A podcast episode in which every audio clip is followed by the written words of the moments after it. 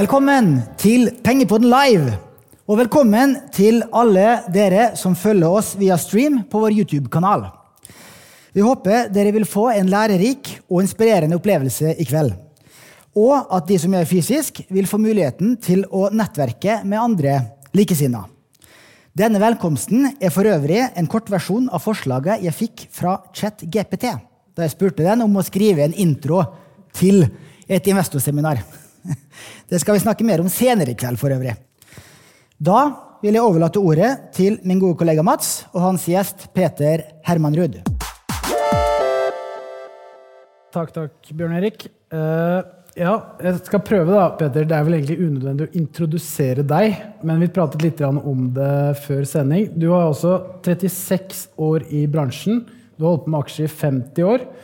Du har vært aksjeforvalter, strateg, eh, aksjeorakel, ifølge Trygve Egnar i Kapital. Og nå er du eh, selvstendig investor. Du har egentlig runda hele løpet. Mm. Eh, det, er, eh, det, er, interessant i seg selv. Du har jo vært eh, årets ekspert. Du har eh, kommet ut med denne prisbokberegningen. Du har liksom vært hele Finans-Norges kalde orakel som jeg med flere i salen her helt sikkert har vokst opp med. da.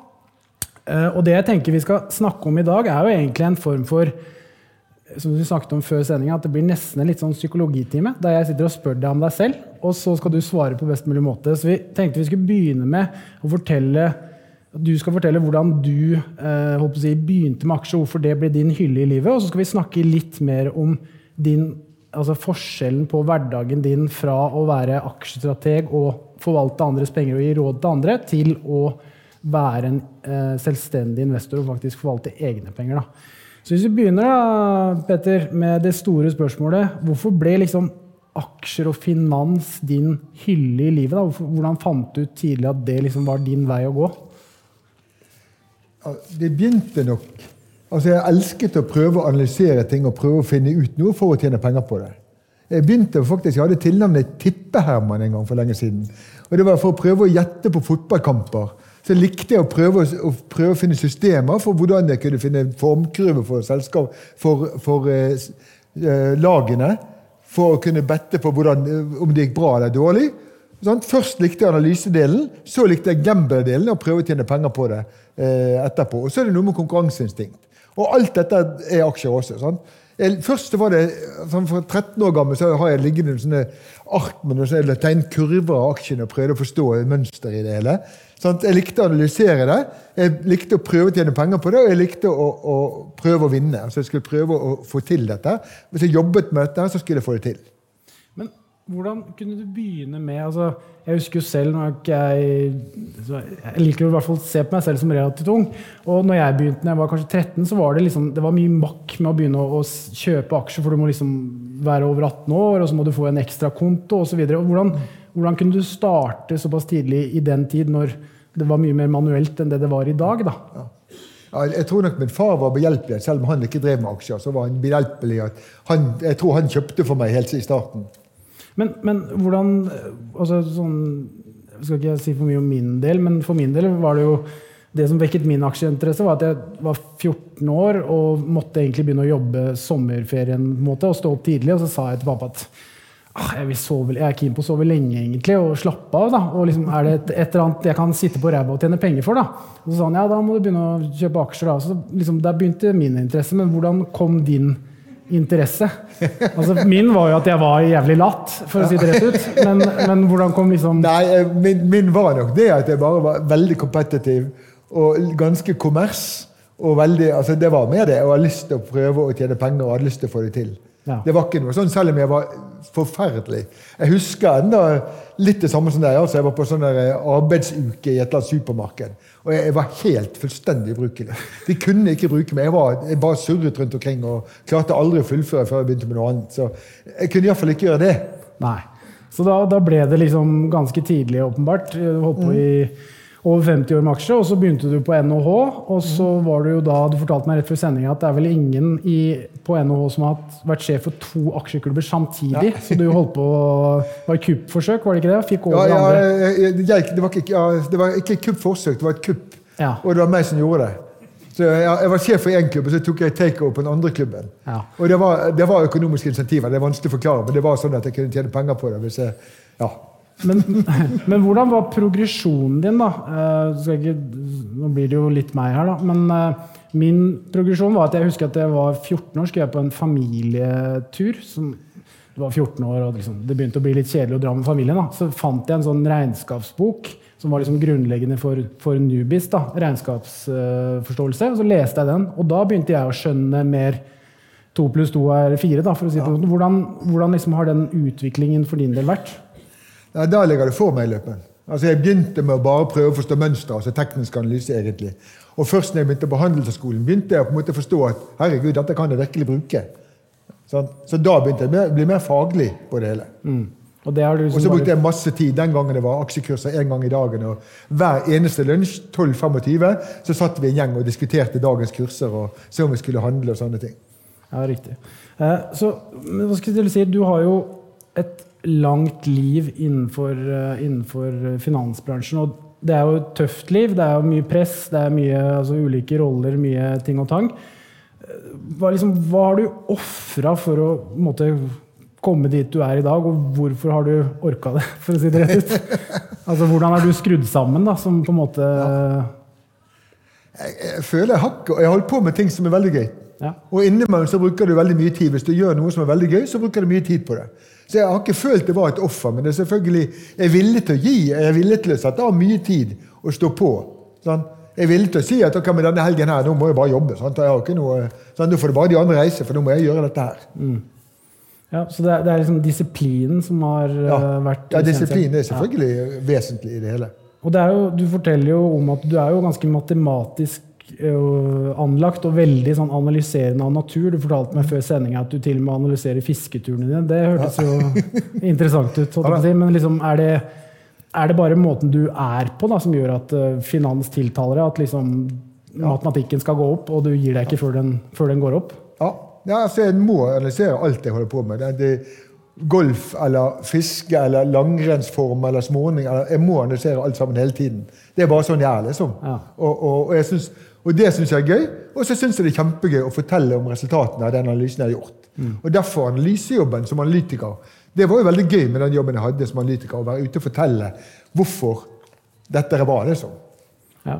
Men hvis du skulle gitt noen råd da, til forsamlingen her, eller de som hører på, som har lyst til å måte gå din vei, hvordan vil du på mange måter altså, Hvilke tips vil du gi i forhold til hvis man er aksjeinteressert, går på kanskje NHH eller har begynt en jobb som analytiker? Hvordan vil du liksom fortelle de hvor man skal jobbe, hvor skal man starte? Ja. Eh, altså Spørsmålet er om du er opptatt av å ha det som jobb. Da må du starte, altså da er det to ting du må starte med. Det ene må du må jobbe hardt på skolen. For Skal du få den jobben, og skal du få en jobb hvor du kan jobbe med flinke folk og løftet opp, så må du være jævlig flink på skolen. Og det andre er at du må følge med. Du må ikke bare lage den grafen over kursen eller følge med på kursen og synes det er spennende å gå opp og ned. Du må begynne å lære deg faget. Sant? Det er klart at For å få jobb i dette så er det mye bedre odds dersom det viser seg at du faktisk kan noe. At du allerede har satt deg inn i noen aksjer, så du er god på det. Så, ja. Som forvalter, hvis du skal passe på egne penger så Jeg vet ikke om vi kommer til det etterpå. eller hva. Ja, ja, vi kommer til det. Det Bare fortsett litt på det Ja. når vi først er gang. Altså Hvis det gjelder hvordan tjene penger som investor, eh, type ting, så er det liksom nummer én Det generelle rådet. Lærebøkene lærer deg veldig mye riktig. Veldig mye av det du har på skolen, er helt riktig. Spre risikoen. Ikke gjeld. Spre risikoen. Og skal du ta spesifikk risiko, skal du kjøpe noen enkeltaksjer, så tror jeg det at for den delen av porteføljen du tar enkeltaksjerisiko, lær deg noen få ting ordentlig godt. Istedenfor å på en måte holde på i hytt og pine med alle mulige aksjer. Men akkurat det med, med lærebok og liksom finansteori da. Vi snakket jo litt for Skjønning her i forhold til det med eh, grønne aksjer i 2020. Ja. Og De gikk jo veggimellom. ikke sant? Og man ble jo karakterisert som en idiot uansett hva du sa, for du sier det er egentlig for dyrt, men det hjelper ikke fordi den dobler seg. Og hvis du da sier at du skal kjøpe, så taler jo det egentlig mot all rasjonale. da. Hvordan er det man skal liksom stille seg til det, gitt eh, finansteori og sånne type ting? Altså, for Psykologien spiller jo ekstremt stor rolle i markedet, og gjerne ofte mer enn lærebøkene også, sånn i hvert fall på kort sikt. da. Ja. Altså Det er sikkert noen som klarer å være god på psykologidelen av bobler. Eh, jeg er ikke der. Altså, jeg interesserer meg, jeg tror ikke jeg er flink til det. Sant? Men noen jeg kan tenke meg som betale en type, et godt eksempel på en som forstår boblens natur, og forstår når det bare er oppside, og når, når du mister momentum igjen. Eh, så for noen kan det være helt rasjonelt å begynne å holde på med sånne aksjer. Mm. Men, men, du må tro at du er mye bedre enn alle andre. for det, Jeg syns det er veldig farlig å holde på med en aksje som jeg tror Den står i 100 nå, og det eneste jeg virkelig forstår, det er at om, om fem år så skal, skal du stå i 20 eller 0 eller et eller annet. Mm. Altså, Jeg vil ikke holde på med det.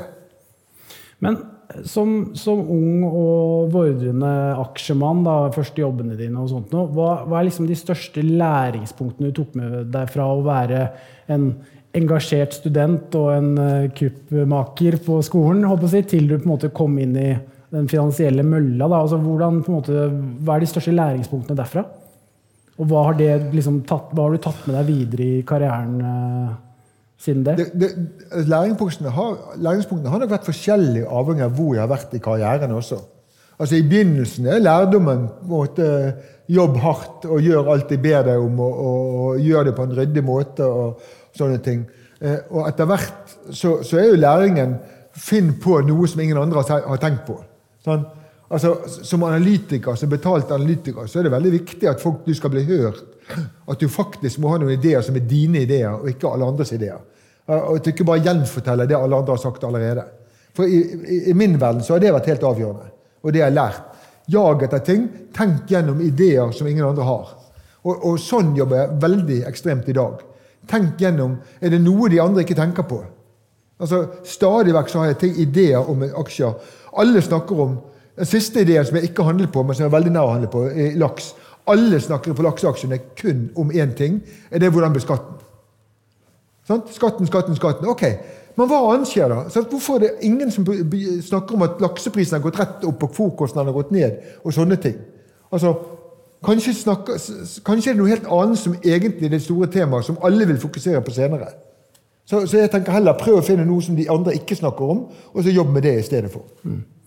Det er en bra cliffhanger faktisk på neste seksjon her i denne lille halvtimen. Eh, vi kunne jo sikkert sitte i mange timer. Eh, men jo, du har jo nå gått ifra å være aksjestrateg og jobbe i bransjen til å tre ut som selvstendig investor og forvalte egne penger. Da. Eh, og hvis vi starter med hverdagen din, da. Hvordan er den forskjellig fra når du jobbet for i Sparebank1 Markets? Jeg vil jo tro at du har en litt annen vei til kontoret, i hvert fall. sånn i første rekke. Ja. Ja, Det er jo veldig forskjellig, selvfølgelig. At, at du var i et veldig stort system.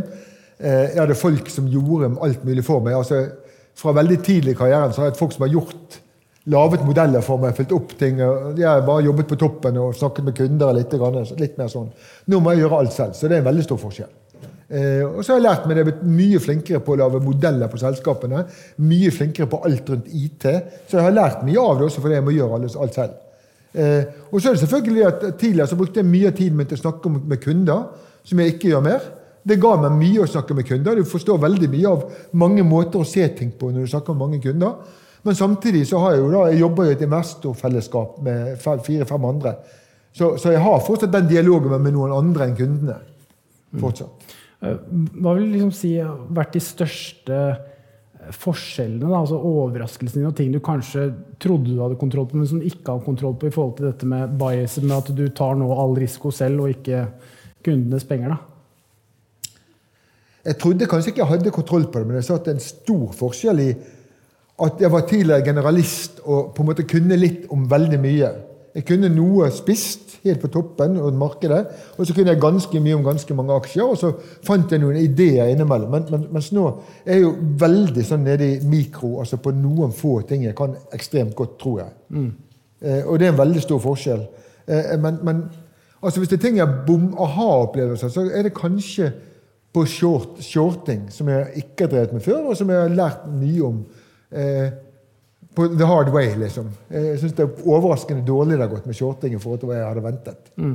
Men hva er det hva er det, det har overraska deg med? Er det timingmessig, eller er det ja, altså, at det, det risikoen i utgangspunktet er mot deg? på en måte? Ja, jeg trenger egentlig å sette, bruke noen dager i sommer. Jeg må, når jeg egentlig har ferie, der, så, så analysere hvorfor det har gått såpass dårlig med shorting. For det, for det er noe med at, at, de aksjene som jeg har shortet Hvis jeg tar hele utvalget av aksjer jeg ikke liker, så er det veldig mange de falt. Masse grønne bobler, masse svenske eiendomsaksjer, masse annet. Ti IT-bobler som var latterlige. Euronex Growth-bobler. Alt det der har, har gått bra, men jeg har ikke tjent penger på det. Så jeg har identifisert riktige aksjer, men jeg har hatt en tendens til å bli oppildnet når aksjene faller, og så shorter jeg etter at de har falt. Og så når aksjene stiger igjen, og så begynner jeg å bli mer og mer short fordi kursen går, og så dekker jeg inn shorten igjen. Og så har jeg på en måte vinningen og tok på spinningen på det. Ja, er riktig. Og- Og, det, for det, dette er noe, og jeg tror litt at det er for dette er noe jeg ikke kan fra før. Altså jeg var jo, En gang vi skal snakke med Robert Ness siden, så hadde vi jo, jeg var sånn, ansvarlig for Norges, en av Norges største porteføljer. Så jeg er veldig vant til å kjøpe aksjer og flytte og selge den og kjøpe den. Men shorting har ikke jeg gjort før. Så derfor er det kanskje jeg har gått på noen blemmer der som er dårlig. Men du var inne på det at du nå er mye mer altså Tidligere så hadde du en eh, top down-prosess, at du var veldig på kunne litt om, om alt. Mens nå Ja. skal du egentlig være mer bottom up. Da, at du starter med selskapene og være veldig konsentrert. Ja. Eh, altså, hvordan jobber du altså, helt konsist da, i forhold til hva liksom, gir deg ideer? Hvor liksom, går du eh, systematisk til verks? Altså, er det at du hører fra en megler eller fra en, en kollega i ditt eh, investeringsfellesskap? Eller hvordan får du de ideene, og så verifiserer du dem eh, videre? Ja, da? Ideene kommer fra mange steder. Så En god del fra investorfellesskapet. For altså jeg vet at hvis jeg får en idé som de som jeg sitter sammen med, allerede kan godt, så er det mye mer sjanse for at jeg raskt og fort kan lære meg å bli god på det. Enn hvis jeg har en helt annen idé som, de, som jeg ikke kjenner noen som kan noe særlig om. Sant? Så, så jeg er veldig sånn Alt annet like det mye mer villig til å jobbe med aksjer som de andre allerede kan.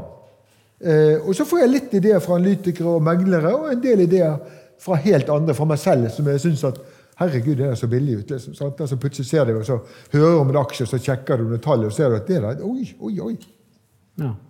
For det, eh, hva skal dere si, Som jeg husker deg da, fra Hegnar TV, og så, videre, så snakket du om Yara, og Equinor og olje osv. Men ut ifra det du kjøper nå, så er det jo mye mindre sånn Kitron og. Incap. og liksom de Ja. mye mindre, så liksom altså Er det noe der også, at du ser på de Ja. kall det uslepne diamanter? Eller du prøver Ja. å finne underprisa aksjer som eh, altså, Det gjør man alltid, men du, du skjønner hva jeg mener? altså Ja. Mer litt sånn Ja. utenfor uh, scope? Jeg har studert, altså jeg har jo studert og blitt oppflasket med det som kalles efficient markets. Nemlig at det går ikke an å spå aksjekurser. Og jeg har ganske stor tro på veldig mange av de tesene, teoriene som ligger bak det. Eh, Jeg tror ikke det er lett å slå markedet. Jeg tror, det, altså, jeg tror at skal du være flinkere i en aksje, tjene penger på en aksje, så må jeg forstå bedre enn de som på en måte setter kursen. Og de som setter kursen, er de som kan det aller best. Så jeg tror egentlig at jeg må være verdensmester i de aksjene jeg holder på med. Altså Så enkelt. Enten jeg eller laget mitt må være verdensmester i det jeg holder på med. Og så tenker jeg, Hva er sjansen for at jeg kan være verdensmester på oljeprisen? Her er null. 0,00000. Der sitter noen folk i Goldman Sachs som er smartere, men jobber mye hardere. Og de er åtte stykker som har jobbet med, sammen i team i 20 år. Og, og masse erfaring. Eh, og, og de har teameffekten i tillegg. Jeg klarer ikke å slå det likevel. Så jeg skal ikke begynne der. Så, men jeg kan bli verdensmester. Det er akkurat som jeg driver med Altså Skal jeg være verdensmester i sport, så husker jeg laget en gang ideen om at jeg kan ikke bli verdensmester i, i maratonløping. Men kanskje kan jeg bli verdensmester i skiorientering for seniorer. Der har vi noe. sånn. Vi må gå snevert nok ned. Altså jeg går ned skal jeg bli verdensmester, så må jeg gå ned i en aksje som er liten nok til at, at jeg kanskje kan være aller best der. Ja, riktig. Og da har jeg funnet ut at samtidig det er ikke noe vits i å være verdensmester på Jeg begynte å se på et selskap som het Induct, men det, det var så, så liten verdi at hvis jeg putter alle pengene mine inn der, så er det ja, så har det fortsatt ingen effekt, nesten. sant? Men Så, det- så, så det, er en sånn sweet spot med størrelse.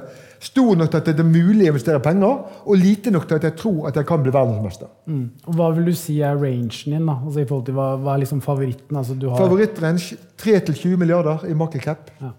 Omtrent. ja. Da er det jo ganske bra spennvidde på Ja de nordiske børsene. Men det, ja. Kult. Men det er klart at det som eh, eh, Robert Ness holder på med, så er det mange av de aksjene sikkert som er under 20. for å si det sånn. Nei, ikke sant? Eh, Og der kommer jo kanskje den, den neste naturlige spørsmålet. er jo For du har jo vært investeringsdirektør, du har forvaltet andres penger, du har gitt råd til andre om deres penger mm. osv. Men nå forvalter du jo dine egne penger, og nå må du stå for de tingene du, du, du rådga før. for å si det Ja. på den måten. Hva, hva er det, liksom, det viktigste du tar med deg fra nå, har du vel holdt på i et par år? Ja. Ja, Hva er liksom det viktigste læringspunktene fra det der å faktisk risikere egne penger, da, ikke andres? Altså, det er jo helt automatisk sånn at, at jeg blir jo Jeg kan bli veldig detaljorientert når det er mine egne penger det dreier seg om. Sant? Jeg er ikke nok Altså, det er noe med at når du jobber på by sell-side, når du skal lage cases som investorene liker, så er ideen i seg selv mye av produktet ditt. Kom med en god idé. Ok, Skal de bruke den, så kommer de til å kryssjekke masse ting allikevel. Men kom iallfall med en god idé som er pakket pent inn, så de forstår ideen. Det var liksom litt mer hovedtingen før. Nå er jeg mer at jeg må sjekke helt ned. Mm. Ikke bare at ideen er god, men jeg kan sjekke at jeg tror jeg virkelig tror at dette er noe du kommer til å tjene penger på.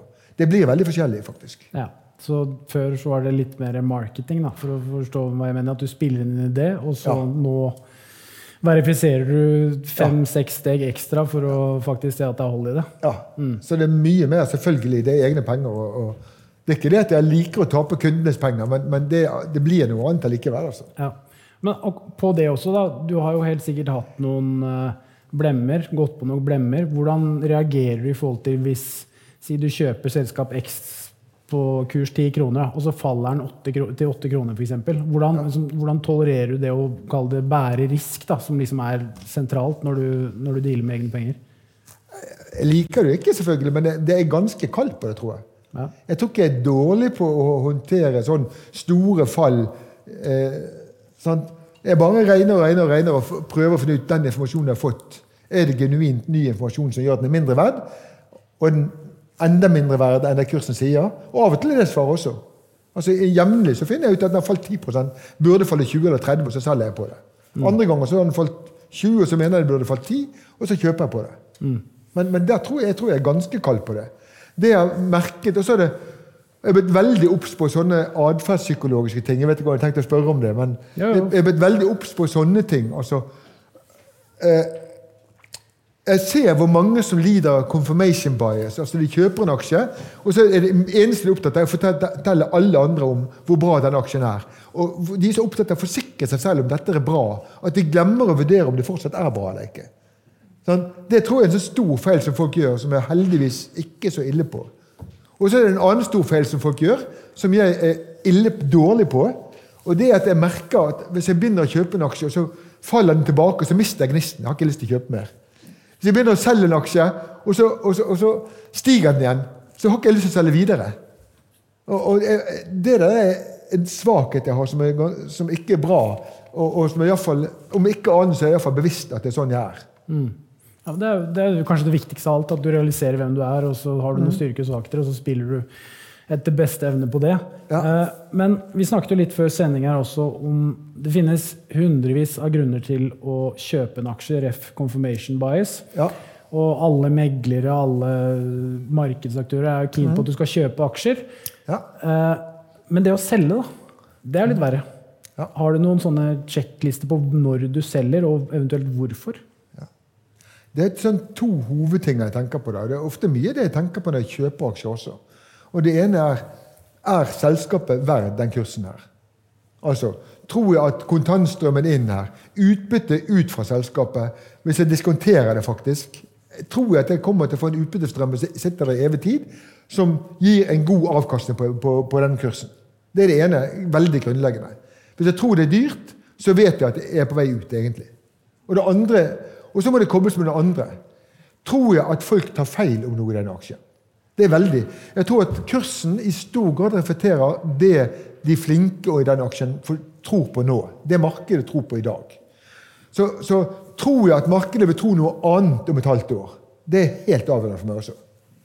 Og jeg er veldig opptatt av hvordan vil folk tenke annerledes. Når du flytter med et halvt år frem i tid, ja, da har de rapportert det, og så har det skjedd, og så har det skjedd. F.eks. som jeg nevnte lakseskatt. Ok, lakseskatten er kjent. Den kan være der eller der, men lakseskatten er der. Så da vil folk snakke om noe helt annet. Tror jeg da at når de tenker oss lakseskatten er gitt, at de syns det er billig eller dyrt? Eh, så det er det andre. Hvis jeg tror at folk kommer til å få en mer negativ oppfatning, f.eks. at folk tror at de skal tjene 10 kroner aksjen i, i, neste kvartal, og så tror jeg det kommer til å bli åtte. Så kommer estimaten til å komme ned, og, og da tror jeg kursen skal ned. og da selger jeg. Ja. Fordi veldig mange analytikere bruker en sånn discounted cashflow-modell. Men hvis du flipper den og sier noe negativt om det, så gir jo det, den modellen egentlig bare det svaret altså De parameterne du putter inn, gir jo modellen svar på. Så Ja. du kan jo i prinsippet ha et kursmål fra 10 til 100 kroner, avhengig av hvilke faktorer du putter inn i den modellen. Ja. Så liksom, Stoler du blindt på din egen DCF-modell, eller gjør du justeringer sånn basert på fornuft, da, for å stå, for forstå meg rett? Altså, En DCF-modell er jo altså, i meglerbransjen er jo stort sett verdiløs, alle sammen omtrent. Sant? For folk bruker det bare til å rettferdiggjøre et svar de har allerede. og Det, det har ikke noen verdi. Men en DCF er jo et godt verktøy. Jeg trenger ikke bruke DCF, du kan like godt lage et multippel. At, en, riktig brukt, Dette har jeg brukt i mange mange år og undervist nyansatte på, i, i, i meglere og sånt. Riktig brukt så er multipler veldig mye det samme som i DCF, egentlig. Riktig brukt. Så, så, så det kan være nok med multipler for meg til å fortelle at dette er genuint billig. Men, men hele verdien av disse tingene er jo at forutsetningene inn er riktig. Så Det er ikke finregninger som avgjør noe billig, men, men, men det at innenfor omtrent dette er range omtrent det kommer til å tjene, så blir, det, blir dette veldig billig. Så hvis du skal summere på hvordan du selger en aksje, så er det verdsettelse og ikke minst dine antagelser basert på analyse, men også litt sånn produksjon på hva som skjer frem i tid. Ja. En verdsettelse og forventet endring i markedets oppfatning. Ja. Det er de to tingene. Ja, riktig. Så egentlig så du, er, du har tro på effisiente markedet. Det er altså, markedet har alltid rett, men du har litt mer rett. Jeg har litt Ja, rettere. ja jeg skjønner. Jeg skjønner. Jeg skjønner, jeg skjønner. Eh, Men, men la oss si altså, det, det- med verdsettelse det, det der med markedets forventninger det kan både være hva du tror om inntjeningen nå, men la oss si bilskipsaksjene så kan det også være veldig mye om tror markedet at inntjeningen skal vare i to år nå. Hvis du tror at, hvis jeg tror at jeg kommer til å begynne å tenke at jeg kommer til å vare i tre år istedenfor, så kommer kursen til å være mye høyere. Hvis markedet tror at i løpet av et halvt år nå så krasjer det, så kommer kursen til å stupe selv om du tjener masse penger nå. Ja. Var bra du sa bilskip, faktisk. For en eh, kollega av meg, Fredrik, spurte spesifikt om det. For han sa det har vært en tøff dag på børsen, fordi, så han lurte på om du kunne fortelle litt om det. Så det var bra. Men hvis vi øh, går inn for landing her Det var bare en halvtime, dessverre, Petter. Men hvis jeg skal prøve å avslutte med et uh, stort spørsmål. Da. Hvis det sitter noen i salen her, eller de som hører på, som har lyst til å bli som deg, hva, hva skal de gjøre da? Ja, det er jo, Hvis de har lyst til å Nei, det blir jo litt i rådene. Altså, jeg tror at Hvis du har lyst til å bli noe For å si det sånn Jeg har vært heldig. Jeg jobber med noe jeg syns er kjempegøy, tross alt. Jeg vil jeg påst, kunne påstå at jeg har gjort det rimelig bra i det. Jeg har det veldig godt økonomisk. Eh, og hvis du ønsker å få til det, så er det noe spørsmål om finn noe du brenner for. Da har du mye større sjanse til å lykkes, og jobb hardt med det du brenner for. Og om det er aksjer, så må det være Tenk gjennom egner jeg meg for dette. Sant? For det, det er nok en del Jeg har sett en del opp gjennom årene som, begynt, som, som er mest opptatt av å tjene pengene. Og de får det ikke helt til, tror jeg. De som får det til, er de som, de som brenner for det. Det kan godt være jeg syns det er gøy å tjene penger i tillegg, men de, de, dette, de må synes det er jævlig gøy. altså. Og hvis ikke du syns det er gøy, så må du faktisk begynne med noe annet som du syns er gøy. Og så må du prøve å bli superflink på det i stedet for. Gode råd, det. Tusen takk for praten, Petter. Takk, Mats. Velkommen til deg, Robert Næss. Ja, takk for det. Mitt navn er Bjørn Erik Settem. Eh, Du, Robert, du er investeringsdirektør i Nordea og forvalter tre fond sammen med en dansk kollega. Nordea Norge Verdi, Nordea Stabile aksjer global etisk samt Nordea Stable Emerging Markets. Og totalt har disse fondene, som er notert i flere valutaer, en samlet forvaltningskapital på hele 280 milliarder kroner. Det er voldsomme tall, og du har et stort ansvar. Så eh, tynger dette ansvaret? Altså, jeg burde sagt ja, sant? men eh, egentlig ikke. Litt fordi altså, Om det var 280 milliarder eller en promille av de 280 millioner, så ville jeg egentlig jobbe, tenkt på samme måte. Sant? Du har lyst til å skape gode resultater, og hvis de dagene du ikke gjør det, eller ukene du ikke gjør det, eller måneden du ikke gjør det, så er det kjipt. Men når du gjør det, så, så er det bra. Um, men det skyldes det kanskje også litt det at eh, kjøper litt mer sånn kjedelige aksjer. altså Selskap som uh, typisk tjener penger, ikke høy verdsettelse. Så hvis det virkelig går surt i markedet, kursene faller, så som regel så faller de litt mindre. Så Derfor er det liksom sjeldnere at jeg ser det forferdelige utfall, at markedet er svak og alle pengene jeg forvalter, går riktig ned. Så. Sånn, La oss starte med å gå litt tilbake i tid, som Mats og Peter gjorde.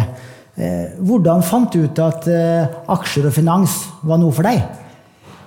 Nei, så klart, Det, det startet egentlig med at på skolen så var det mange fag jeg syntes var grådig kjedelige. Sånt, eh, veldig mange folk syntes var kjedelig, mens de som hadde metall å gjøre, syntes det var gøy. Så da fant jeg ut at da må jeg gå i, i den retningen, sånn, for da er det jeg synes var morsomt. Og da ble det egentlig det at jeg jobbet med aksjer. Jeg hadde en aksjeinvestering i ungdommen som mens jeg gikk på videregående.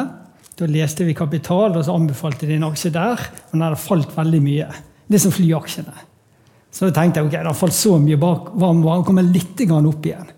Så jeg, jeg hadde ikke noe penger, så jeg tok studielån på videregående. Det er ikke noe lurt. For 5000 kroner og kjøpte.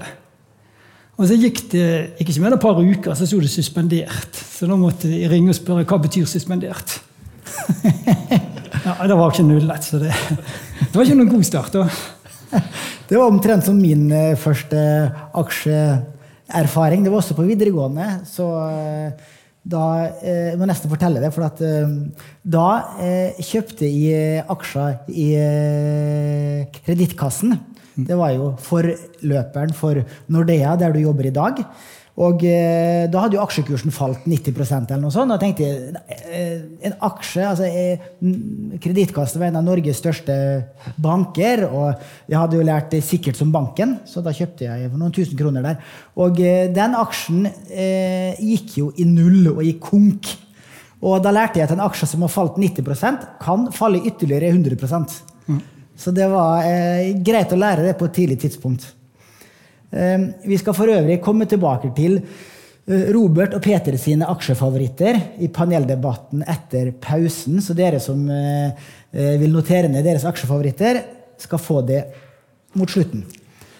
Men eh, du forvalter jo et globalt, stabilt aksjefond og et norsk verdiorientert fond. Mm. Hvordan vil du beskrive din investeringsstrategi? Altså, jeg er egentlig ganske klart. Det jeg ser etter, er aksjer som jeg tror har lavere risiko enn markedet. Og Det ser på to ting. Det ene er inntjeningen. Jeg ønsker at selskapet skal ha tjent penger historisk. Ikke bare at de kommer til å tjene penger, men at de virkelig har vist seg til stand til å tjene penger.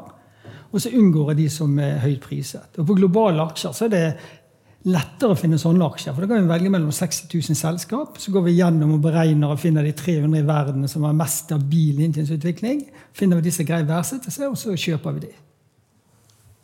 Og har din investeringsstrategi endra seg over tid? Du har jo vært forvalter i en mannsalder, nesten. Ja, altså klart Hovedpunktene er det samme, men det blir alltid noen justeringer. Altså. Og en viktig justering er det å se på endringer i inntjeningsestimatene. Hvis jeg har et selskap som ser ut til å gå bra, og så kommer inntjeningsestimatet litt ned, og så er aksjen blitt billigere, sånn, da virker det fristende å eie. Men det, det, er som regel egentlig veldig dårlig tegn. Hvis det først kommer én dårlig nyhet, så er det veldig ofte at uh, det er starten på masse dårlige nyheter. Så Derfor er vi mer obs på nå at kommer det en liten dårlig nyhet, så skal du være veldig forsiktig. For da er det veldig ofte at det er bare starten på en rekke av kjedelige nyheter. Sånn. Det Globalfondet ditt, Nordea er stabile aksjer globaletisk, har fem av fem stjerner i Morningstar. Og selv har jeg lenge hatt fondet som en av mine største posisjoner i min Shareville-portefølje, som følges av over, over 200 000 Nordnett-kunder. Og det har jeg tjent godt på. Takk for det, for øvrig. Ja, men takk For at du investerte. for det er vanskelig å slå indeksen. det er jeg et levende bevis på. Um, og det fondet ditt har jo slått referanseindeksen siste året, siste fem år, siste ti år. Og det med en lavere risiko, altså lavere standardavvik, eh, enn eh, verdensindeksen. Og det skal jo egentlig ikke gå an, ifølge læreboka. Så hvordan har du klart det? Ja, men Læreboken er jo klar i finans. Sant? at uh, Tar det høyere risiko i form av høyere beta, skal det høyere avkastning. Og Sharp og de andre som utviklet den modellen, de fikk jo nobelpris i økonomi for det. Så det burde være riktig. Men vi har hele tiden trodd at den modellen er feil. Altså Du får ikke betalt for å ta høyere risiko innenfor aksjer, tror vi. Og Det har vi forvaltet på da siden, eh, siden, 2005, og vi mener vi har vist at, uh, at teorien nødvendigvis ikke er riktig her. Det er så være flere i akademia også setter tvil på den, uh, på, på, på den, teorien. Men teorien er så intuitiv, så den står fortsatt i lærebøkene. Men eh, det er egentlig ingen grunn til å tro at det stemmer. altså at høyere beta gir høyere avkastning. Det er et veldig viktig poeng som ikke kan gjentas for ofte. Og eh, jeg har bl.a. sett en masterstudie fra NHH fra 2018 som da slår fast det samme. Den viste at et veldig lite antall suksessfulle selskaper står for det aller meste av verdiskapninga på Oslo Børs de siste 33 årene. Og da var det altså 18 store norske selskaper som alene kunne forklare hele verdiskapninga i denne 33-årsperioden. Mens flertallet av aksjene på børsen gjorde det dårligere enn risikofri rente. Så det vanligste utfallet var total fiasko. Eh, og de mest risikable aksjene de ga typisk en dårlig langsiktig risikojustert avkastning. Og de unngår du i dine fond. Ja, det gjør vi. Sant? Og dette rare med aksjer til fleste går null, det er egentlig en konsekvens av den sannsynlighetsfordelingen som er lognormal. Da er det sånn at de fleste aksjer gjør det dårlig, men så er det noen som gjør det bra. Så Derfor blir samlet avkastning ganske hyggelig. Sant? Eh, og jeg kan jo si at vi har jo eh, en overvekt av Nordnett-kundene, i hvert fall i forhold til totalmarkedet, liker jo disse risikoaksjene, disse jojo-aksjene. Men det er sjelden du får langsiktig god avkastning med å sitte med en portefølje med slike høyrisikoaksjer. Ja, absolutt. Jeg har gjort masse sånn regnestykker på det, hvor jeg konsekvent kjøper de mest risikable aksjene. Sant? Og da får du fryktelig dårlig avkastning. Spesielt i Norge, men også globalt. Hvis du går på de litt mindre mest risikable, så vil du historisk tapt veldig mye penger på, på å velge de.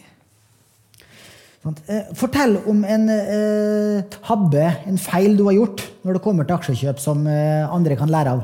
Ja, nei, det, kan, det er ikke alltid så greit å fortelle noe feil. Da, men sånn det, nå er det sånn at I forhold til markedet sånn, så er jo ikke halvparten, men nesten halvparten av det vi gjør, er egentlig sånne ting som hadde vært bedre å ikke gjort. Sånn, for det, det, er ikke sånn vi lykkes med 100% men vi er fornøyd hvis vi lykkes med litt over halvparten. Så En av de siste tabbene jeg gjorde, så var jo det like etter den bankkrisen Eh, var nå i mars og Silicon Valley kollapset, så kjøpte jeg faktisk litt, grann, heldigvis bare et lite beløp i en av bankene som, som jeg regner på egentlig var mindre usatt. Fordi at den Silicon Valley som ble tatt over, den var egentlig konk september i fjor. hvis du regner på verdien, hvis du gjorde skikkelig verdsette som den. Mens den jeg kjøpte, hadde falt mye i kurs, men hadde egentlig ganske mye verdier. Så det kjøpte jeg den. Sant? og kjøpte bare en liten posisjon, så Første dagen så tredoblet den seg. Sant? og Da angret jeg mer på at jeg var så feig og kjøpte så lite. Og så gikk jeg ned og kollapset. Sant? Og da tapte de lille pengene. Da var jeg glad jeg ikke kjøpte mer. Men, eh, men, jeg tror det som er feil der, er at du blir litt for opptatt av å følge med på det som skjer. Og så, og så kjøper du en aksje som kanskje er litt utenfor det normale investeringsuniverset. Mm.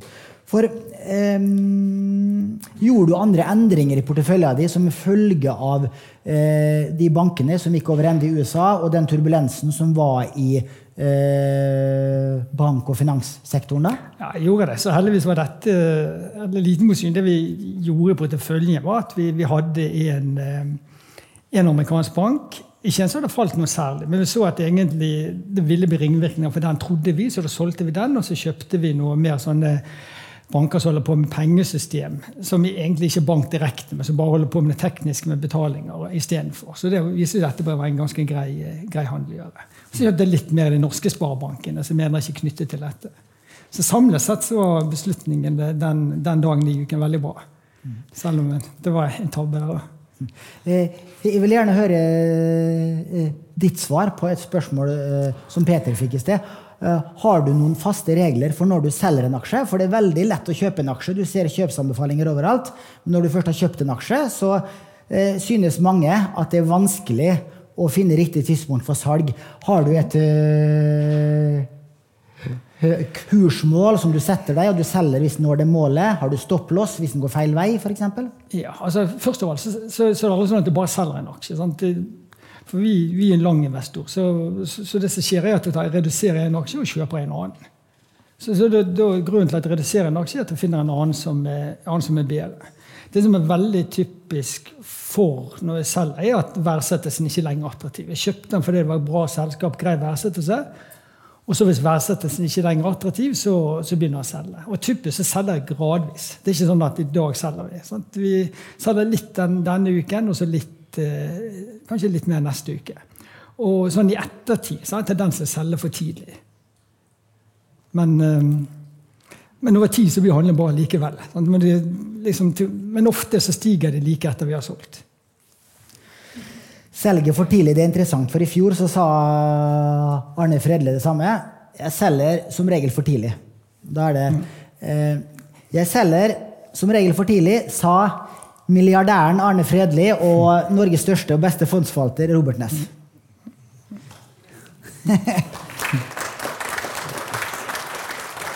hva, var den, eh, hva var det siste selskapet du solgte deg eh, helt ut av, og hvorfor?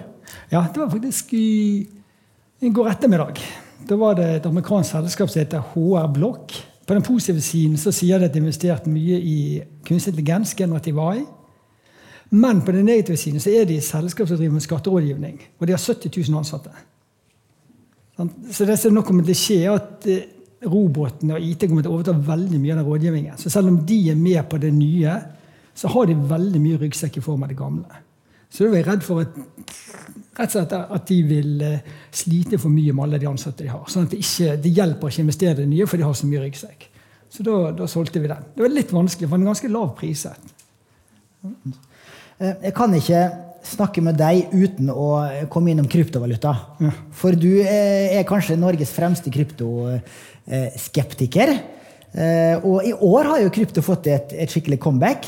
Eh, Bitcoin opp over eh, 70 i- hittil i år. Riktignok etter et voldsomt fall i 2022. Men er du like sikker i din dom over at kryptovaluta er null verd på lang sikt? Nå som du var for et år siden? Jeg kan si jeg har brukt mye tid på krypto, spesielt i forfjor og i fjor. Sant? Jeg synes det var utrolig gøy å følge med på, for det skjedde jo så mye rart. Sant? Der gikk jo bankene konkurs hele tiden. Sant? Folk kom i fengsel, det skjedde svindel. Og så var det skjedde mye kursstigning også. Eh, Så det programmerte meg faktisk min egen krypto. Satt, tok sånn univers- universitetskurs for hvordan jeg skulle gjøre det. Så jeg syns det er ganske fascinerende, det de har fått til. Men samtidig så tror jeg at eh, det som krypto skal løse, egentlig er et problem vi ikke har. Sånn betalingsoverføring løste vi før jeg var født. Og det er lenge siden. Så, og, og det du har et desentralisert finans som en del av krypto, der har du sett altfor mye svakheter. Så jeg tror jo den langsiktige verdien av krypto er, er null. Så da så er det ingen grunn til å være investert her. Jeg kan jo selv fortelle at jeg har investert rundt 1% av min finansformue, fordelt på eh, bitcoin og Ethereum.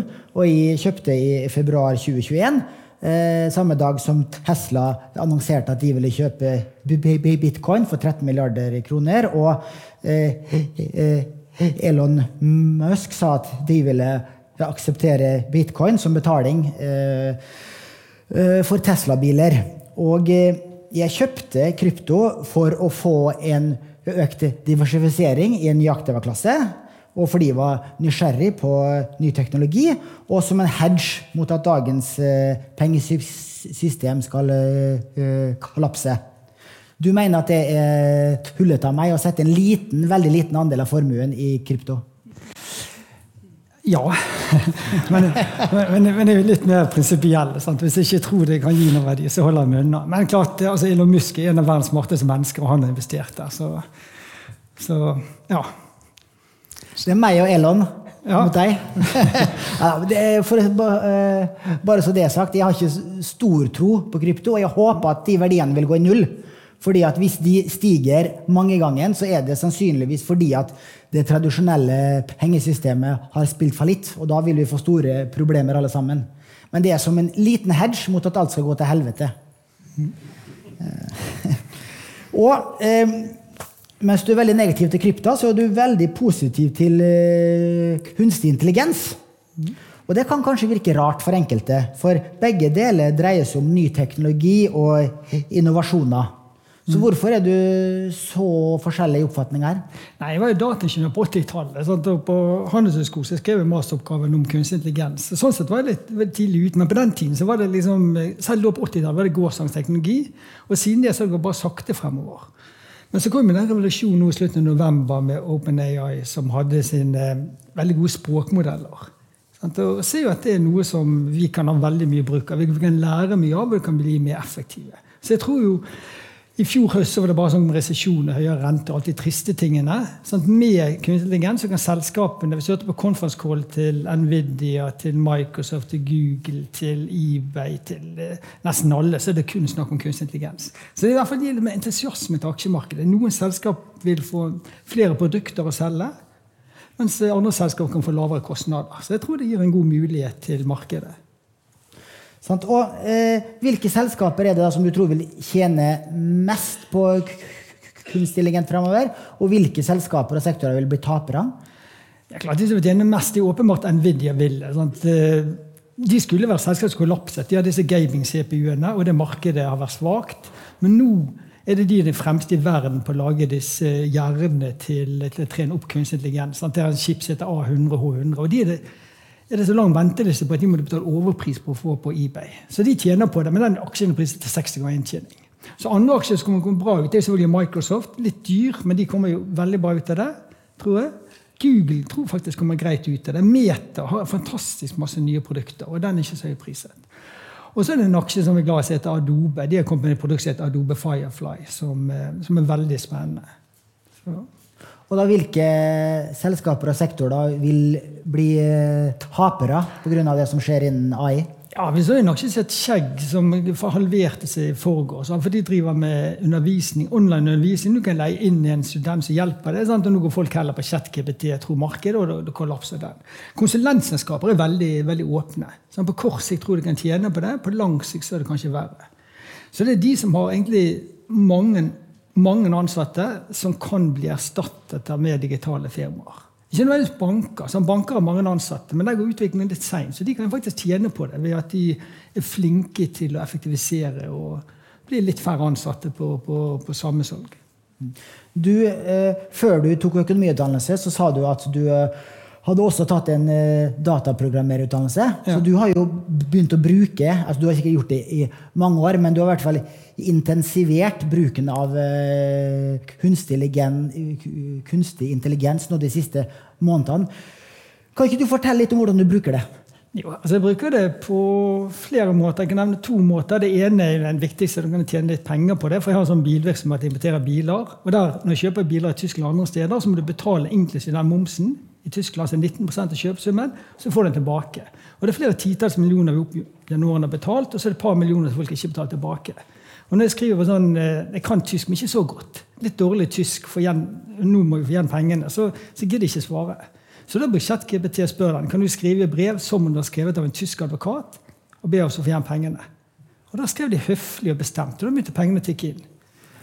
Og Så var det et par som ikke betalte. Da spurte neste skritt. Jo da, Da tok den roboten og foreslo å sende inkassovarsel, og det gjorde vi. Og da kom pengene dagen etter. Så, så det, det er liksom uh, hjulpet. Og så har vi brukt det også privat, sant, når jeg er barnebarn på tre år. Sant, og, og, Da bruker vi roboten til å lage tegninger for oss. Og der er da Adobe kommer inn. Sant, du kan si ok, ta bilde av en jente på tre år i rosa sant, som liker en enhjørning. Så kommer det opp masse bilder. Og Da kan du bruke deres kreativitet til å lage bilder. Sant, det, ja, og jeg tror det er sånn som bedrifter kommer til å bruke mye av. Sant? Det finnes mye gratistjenester. Det som er det fine med Adobe, er at um, de har trent opp robotene på materialet de eier sjøl. Og der slipper de copyright-problemene. Så jeg tror de selskapene som har gjort det, de, de tror kan komme greit ut av det. Vi har mange studenter her i salen i dag. Vi har invitert aksjegruppene som er med i den eh, Finansavisen eh, sin konkurranse. Så, men eh, er det slik at dagens ungdom egentlig ikke trenger å utdanne seg? Fordi at alle vil jo få en personlig AI-assistent som de kan få til å gjøre alt mulig? Ja, jeg har fått det spørsmålet før, og jeg tror, det spørsmålet, jeg tror svaret er egentlig absolutt nei. Altså, Du trenger utdannelse mer enn, mer enn noensinne. fordi at disse assistentene egentlig er jo kunstig intelligens er feil ord. Det, det nye nå er språkmodeller, sant? og de andre hjelper oss. Sant? En kalkulator har ikke kunstig intelligens fordi den regner fortere enn oss. Så jeg tror jo at de som vil tjene på dette, er de som er flinke, stiller de rette spørsmålene og har kunnskap sånn som kan dra nytte av det. For robotene svarer jo veldig mye feil. Så hvis ikke du kan noe som helst, og bare bli avhengig av de, så, så, så, vil det gå veldig dårlig. Så du må, trenger å være flink sjøl. Så hvis du er flink sjøl og utnytter det verktøyet, da, tar det godt fortrinn. Ja. For uh, du må alltid uh, kvalitetssikre de svarene du får. Jeg har stilt uh, denne chat GPT noen skattespørsmål om norske skatteregler. Det var ikke bra. Så ikke bruk den som skatteekspert foreløpig, i hvert fall. Da er det bedre å bruke Nordnes sine nettsider. Men eh, det er jo eh, frykt for at eh, robotene og, AI kan ta over verden. Det er jo denne ekspertgruppa bestående av bl.a. Elon Musk, som har sagt at vi må pause denne utviklinga med minst et halvt år, for det skjer så fort der. Hva sier du til den skepsisen? Ja, Det er bra for Elon Musk hvis er pause, for han holder på å starte opp et nytt selskap. Da får han litt fortrinn. Nei, jeg, jeg tror ikke det er noe penger å pause. Men klart du trenger alltid regulering. Sant? For det er jo lett å manipulere folk hvis du for, for sånn så Det som var det store innen innen disse språkmodellene nå, var faktisk tilbake til Mars, hvor de la ut det de kaller en plug-in. Som gjorde sånn at alle mulig kan putte de modellene inn i sine program. Sånn, så det som blir veldig viktig, er at folk merker det. Sånn, du, vet hvilke roboter du, du står overfor. Så det tror jeg er viktig. Men jeg tror utviklingen fremover tror vi skal bare heie på og sørge for å bruke, å bruke, disse, bruke, bruke disse modellene. For de er støtteverktøy. De er egentlig ikke noe mer enn det. Eh, hvis du da får eh, veldig stor hjelp av disse robotene, mye effektivisering, så blir det jo mange som mister jobben sin. Eh, kan den utviklinga fører til masse arbeidsledighet og øh, øh, øh, borgerlønn for de landene som har råd til det? Nei, jeg tror absolutt ikke det. Jeg, tror vi, det er så mye ting vi har lyst til å kjøpe og bruke penger på, så jeg tror etterspørsel kommer til, å øke ganske mye. Eh, altså De som egentlig kommer til å tape på dette, de som holder seg unna og sier at dette, dette skal ikke vi bruke, dette er farlige greier. Sånn, Da vil ikke du få den gratis assistenten, og da, da vil de tape i forhold til noen andre.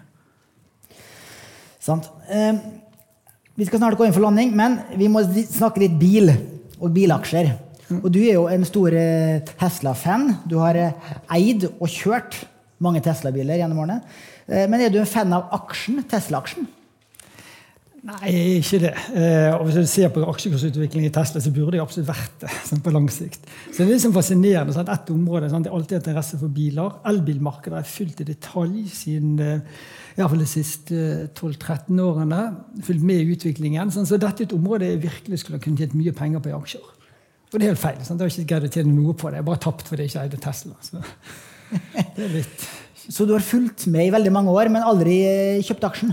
Nei, det er litt fordi at Tesla alltid vært eh, sånn, de, de, tog jo, de brukte vel syv-åtte år før de begynte å tjene penger. Sant? Og jeg foretrekker de selskapene som tjener penger. Så da, da liksom kom han aldri inn i universet mitt. Og etter de begynte å tjene penger, så var han altså høy på prising i forhold til inntjeningen. at det ikke hjalp. Jeg fikk opp et varsling på Facebook-feeden min i dag. Da var det et eh, bilde som jeg hadde lagt ut for eksakt eh, ti år siden. I eh, 2013. Eh, og da hadde jeg prøvekjørt en Tesla. Da var den helt ny i Norge. Og da hadde jeg prøvekjørt en Tesla. Og da skrev jeg eh, på feeden min eh, at eh, dette var en utrolig eh, god bil å kjøre. Men skal jeg bruke 500 000 kroner på en bil? Det, det var for dyrt. Skal jeg heller kjøpe aksjen, hadde jeg tenkt å gjøre. Og da sto aksjen i 25 dollar. Det var jeg før splitt og sånn også.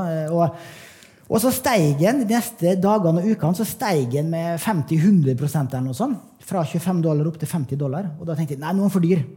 Men de burde selvfølgelig kjøpt den, så jeg gikk i samme fella som deg. Jeg har alltid syntes Tesla-aksjen har vært for dyr. Og nå kjører vi begge to rundt i en uh, Porsche Taycan. Ja, samme det. Er ikke verst, den heller. Nei da, den eh, fungerer veldig bra. Så bra. Da tror jeg vi runder av med det. Tusen takk, Robert. Og nå er det 15 minutters pause. Og så Da kan eh, folk eh, ta seg en liten pause. Bar der borte. Riktignok betale selv. Nordnett er jo en lavprismegler, var ikke så god råd. Men eh, ta en god prat med din sidemann, og så ses vi hjemme om et kvarter.